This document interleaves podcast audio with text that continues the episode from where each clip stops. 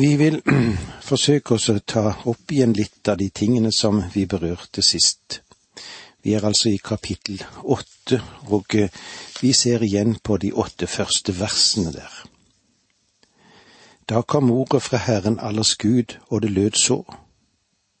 Så sier Herren allers Gud, Jeg er full av brennende iver for Sion. Jeg brenner for den med stor harme full av brennende iver. Eller slik som vi kanskje sa det i tidligere tider, nidkjærhet. Gud hadde nidkjærhet. Og dette nidkjær det brukes ofte om Gud når vi ser inn i, det, i den gamle oversettelsen og i Det gamle testamentet. Det gjelder nesten alle hans forhold til sitt eget folk. Fremfor alle andre er dette en gjenstand for hans kjærlighet. Hans forhold til det utvalgte folk er preget av at han er en personlig Gud. Når det er noe som vil komme mellom ham og hans eiendomsfolk, så reagerer han forferdelig. Han reagerer mot folket når det avviser hans kjærlighet ved å sette noe annet ved siden av ham eller leve i strid med det paktsforholdet som han har opprettet med dem. Og han reagerer når andre folk krenker hans eget folk. Brennende harme, eller nidkjærheten, er altså en side av Guds kjærlighet. Sion, som før nevnt tempelfjellet i Jerusalem, det er stedet der Guds åpenbaring er til det utvalgte folk. Harme er òg et uttrykk som gjør at Gud er brennende harm når Jerusalem krenkes. Naturlig her er det å tenke på den harme som rammer de folk som har krenket Guds eget folk. Nærmest ligger det kanskje her å tenke på Babylon, symbolet for undertrykkelsen. Vers tre Så sier Herren, Jeg vender tilbake til Sion, og mitt Jerusalem vil jeg bo. Jerusalem skal kalles troskapsbyen, og berget til Herren allers Gud skal kalles det hellige fjell. Det vi ser her er at Herren lover, som han tidligere har gjort, at han på ny skal bo i tempelet i Jerusalem. Tempelberg og byen skal få nye navn som svarer til deres nye rolle. Sion kalles ved det navn som type, typisk for den opphøyde Gud selv, hellig. På den annen side skal byen være preget av troskap overfor Gud. Det er altså tale om en ny tid der den hellige Gud selv troner i tempelet, og at folk i sannhet er hans trofaste folk. Løftet som Zakaria får, det blir eh, det vi ser i den endelige oppfyllelse i det nye Jerusalem, slik som Johannes forteller oss det i åpenbaringsboken. Vers fire Så sier Herren allers Gud, igjen skal gamle menn og kvinner sitte på torgene i Jerusalem, alle med stav i hånden på grunn av sin høye alder. Bildet er slående, ja, en slående kontrast til den virkelighet det er talt inn i. Jerusalem hadde på Zakaria sin tid for det første få innbyggere, og så var antallet gamle og barn og unge ytterst lite. At innbyggerne er gamle og av høy alder, er uttrykk for at de har Guds velsignelse over seg. Hvis vi ser på den gammeltestamentlige tid, så var ennå tanken om liv etter dette utviklet. Fra gammelt av var det derfor håp om å leve og få lov til å leve lenge. Det var de frommes håp også. For det var på jorden Gud virket, og det de kunne få leve sammen med ham var til stor velsignelse. Og denne velsignelsen som et langt liv innehadde, var altså ikke bare noe som hadde med lengde å gjøre, men det hadde også med en god ting det å få lov til å leve sammen med Gud. For profeten er ennå ikke sløret trukket bort, så han kan se at Gud har et evig liv i vente for sine. Vers fem Og torgene i byen skal fylles av gutter og jenter som leker der. I dette ligger løftets innerste vesen og det hører med at her vil bli en stor folkemengde som en gang skal fylle byen. Vers seks Så sier Herren allers Gud, om dette synes umulig for dem som i de dager er igjen av dette folket, skulle det være umulig for meg, lyder ordet fra Herren allers Gud. En må ikke misse troen på fremtiden Mismotet må ikke gripe fatt i oss, og kanskje mismotet hadde grepet fatt i mange i Jerusalem med tanke på fremtiden. Kanskje profeten Hagaia hadde òg noe kjempe mot av det som hadde med mismot å gjøre. Oppgavene som lå foran folk under gjenoppbyggingen var svære, ja, det virket nesten som det var uoverkommelig. Motstanden, den var hard det som virker umulig for mennesker, er ikke umulig for Gud. Det som var umulig for dem som var i de dager igjen av dette folket, skulle det være umulig for meg? Dette henspiller på den rest som Jesaja og andre profeter hadde å forkynne at de skulle vende om. Ordet her, det har en kraftig oppmuntring til oss alle sammen. Det har en trøst til folket. Ja, når vi sjøl kommer opp i vanskelige situasjoner, så er det godt å vite løften som Gud har gitt oss, at vi skal se fremover og hjemover. I vers syv Så sier Herren allers Gud, Se, jeg frelser mitt folk fra land i øst og i vest til land hvor solen går opp, det er land i øst. Og hva kan det være? Sannsynligvis er det Babylon selv som dette hen spiller på. Om det ofte ellers kalles Nordlandet. Det land som solen går ned i, land i vest, ja, hva kan det være? Jo, sannsynligvis er det Egypt. Hva legges det vekt på her? Jo, at Herren vil samle det spredte folk tilbake igjen til Jerusalem. Og dette vil igjen bety en fullstendig fornyelse av forholdet mellom Gud og folket. Mitt folk. En gang skal dere være mitt folk. Fra Guds side har utvelgelsen dens har stått fast hele tiden. Men folket, de har levd i utroskap men nå, nå vil Gud gjøre noe nytt. Gud som hele tiden har vært trofast og rettferdig. Han er Gud for folket. Hans høyeste ønske er jo at de egenskapene òg måtte prege hans folk. Men er det slik? Er det slik òg med oss? Hvordan er vårt forhold til den himmelske Far? Vers åtte jeg fører dem hjem. Midt i Jerusalem skal de bo. De skal være mitt folk, og i troskap og rettferdighet vil jeg være deres Gud. Dette er rettet til de som var til stede ved grunnsteinnedleggelsen for tempelet. Det ser ut som om denne dagen for Zakaria, like som for Hagai, var et viktig vendepunkt. Det er underlig å se hvordan budskapet for Zakaria er nokså likt Hagai. Det viser òg i denne tiden som Jerusalem holder på nå før tempelgjenreisningen begynte. Det var en hard tid. Arbeidet syntes kanskje å være forgjeves. Hva var det Hagai sa?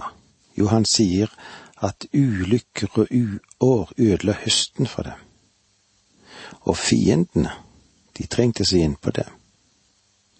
Nabofolkene rundt byen, de var fulle av mistro overfor de hjemvendte jødene. De gjorde det som sto i deres makt for å hindre gjenoppbyggingen. Og kanskje vi kan rette spørsmålet til oss. Hvordan fungerer vi når det gjelder dette med å bygge opp Guds rike? Det var eh, så langt vi kom i dag. Takk for nå, må Gud være med deg. Dette undervisningsprogrammet består av to deler. Åge Nevland fortsetter nå med andre del av dagens undervisning. Vi er i profeten Zakaria. Vi er i det åttende kapitlet, og vi ser Guds hensikt med Jerusalem. Uforandret av alle forhold. Gud er den samme. I vers åtte leser vi slik.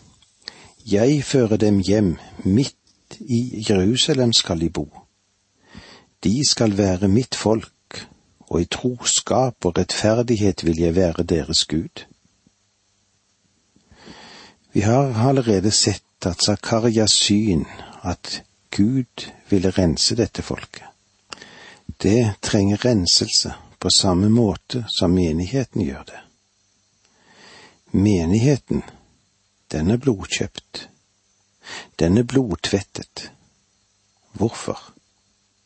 Fordi vi er syndere. Nå er vi frelste syndere, men fremdeles syndere. Vi er frelste syndere. Men en dag skal vi sannhet ikke bare i overført betydning, men også i praktisk betydning være hellige. Jeg er også hellig i dag i kraft av å være i Kristus. Men mm, livet mitt, det er ikke alltid hellig men en dag skal jeg være Kristus lik, og det skal bli en herlig dag. Israelsfolket skal forvandles også. Gud sier, dere skal være mitt folk. Det er den dagen de vender tilbake til når det gjelder Jerusalem. I troskap og rettferdighet vil jeg være deres Gud de er ennå ikke ført tilbake til sannheten i dag. De fornekter fremdeles den Herre Jesus Kristus som Messias. De aksepterer han ikke. Guds navn nevnes ikke så mye som en skulle tro i dagens Jerusalem. Jeg tror det er flere arabere i byen som sier hvis Allah vil, enn det er jøder som sier hvis Gud vil men i rikets tid skal Gud være deres Gud i troskap og rettferdighet. Jeg fører dem hjem, midt i Jerusalem skal de bo. De skal være mitt folk, og i troskap og rettferdighet vil jeg være deres Gud. Når vi kommer videre i versene 9 til 19, ser vi at den nettopp ankomne delegasjon fra Betel vil høre profetene Haggai og Zakaria selv, de med den bakgrunnen som de har hatt i det herlige fremtidshåpet som da blir trukket opp. Men de får også vite at de må holde budene.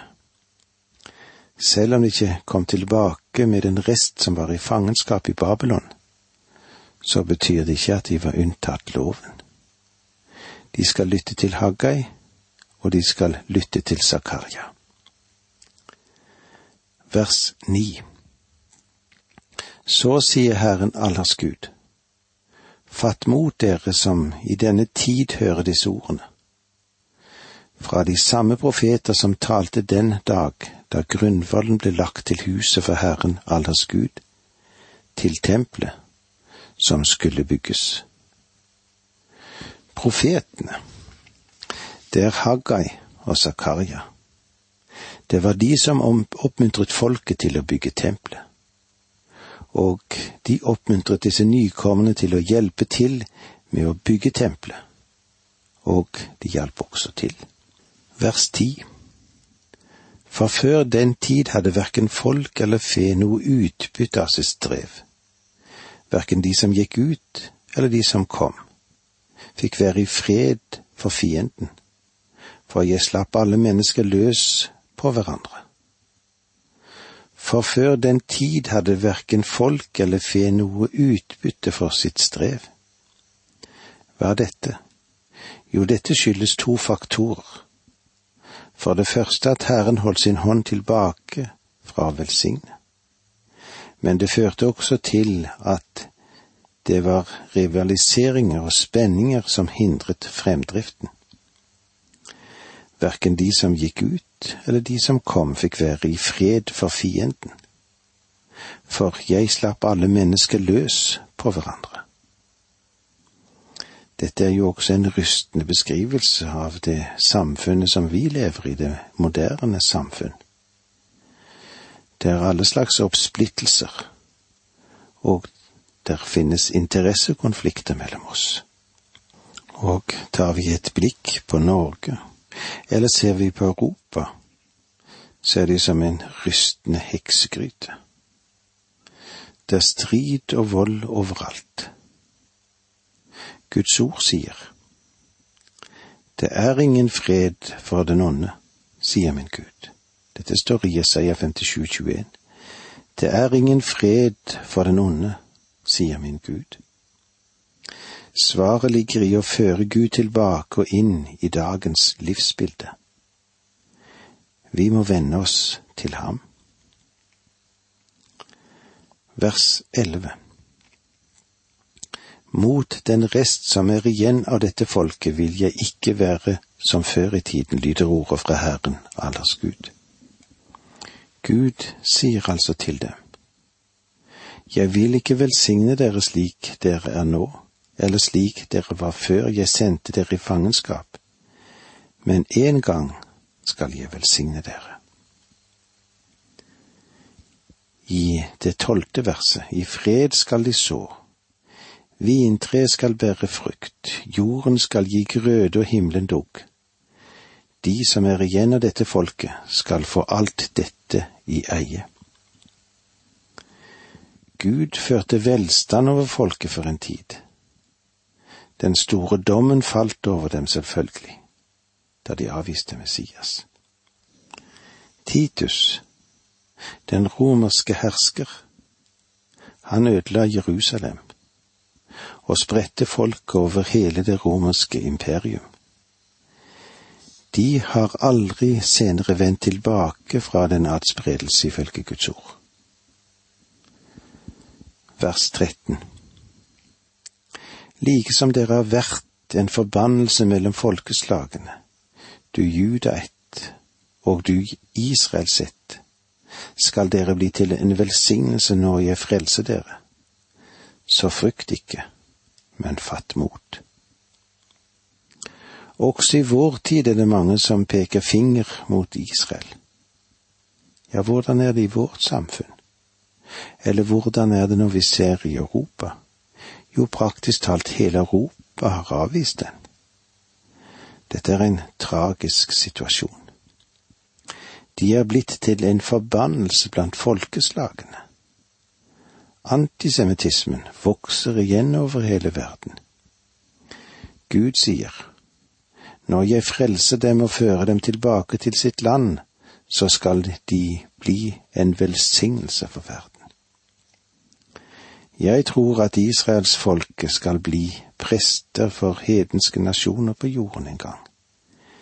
De skal stå mellom Gud og det hedenske folkeslag under tusenårsriket. Vers 14 For så sier Herren allers Gud, like som jeg satte meg for å sende ulykke over dere den gang deres fedre egget meg til vrede, sier Herren allers Gud og jeg ikke endret mitt forsett. Så sier Herren allers Gud. Har du lagt merke til hvor ofte denne ordkombinasjonen fremstår? Gud sier her at det var nødvendig å gripe inn overfor fedrene slik som han har gjort, og at han ikke har endret sin mening om det. I denne delen av kapittelet ser vi frem til den tid når Gud skal gjøre Jerusalem til verdens hovedstad. Gud sier at det er ikke noe som kan få ham til å endre den hensikten. Og du skal være klar over at han har til hensikt å få dette gjennomført gjennom sin fantastiske og uendelige nåde. Når Paulus skriver til romerne, så sier han i det niende kapitlet vers 15 og 16. Han sier til Moses, Jeg viser miskunn mot den jeg miskunner meg over, og er barmhjertig mot den jeg forbarmer meg over. Så kommer det altså ikke an på den som vil eller anstrenger seg, men på Gud som viser miskunn. Moses gikk til Gud og ba om at han skulle spare Israels folk om det var mulig. Og Gud sa vel noe slikt som at jeg skal høre på det, Moses, men jeg vil ikke høre på deg fordi du er Moses. Jeg vil vise miskunn og nåde mot dem, jeg viser miskunnhet og nåde. Og derfor står det ikke til den som løper, til den som går gjennom en liturgi eller gjennom en tjeneste, eller en som driver med sine aktiviteter. Det skjer gjennom den Herre Jesus Kristus, som viser miskunnhet. Og vi kan si med apostelen Paulus, det er nåde alt sammen. Det er Guds nåde. Vers 15 Har jeg i disse dager vendt om og satt meg for å gjøre vel mot Jerusalem og judaeten? Frykt ikke. Gud sier altså til oss, jeg viser dere ikke miskunn fordi dere har vært tro mot disse ritualene, eller fordi dere har fått nye ritualer, men dette gjør jeg ut av meg selv, uavhengig av den aktivitet dere holder på med. Det var så langt vi kom i dag. Takk for nå må Gud være med deg.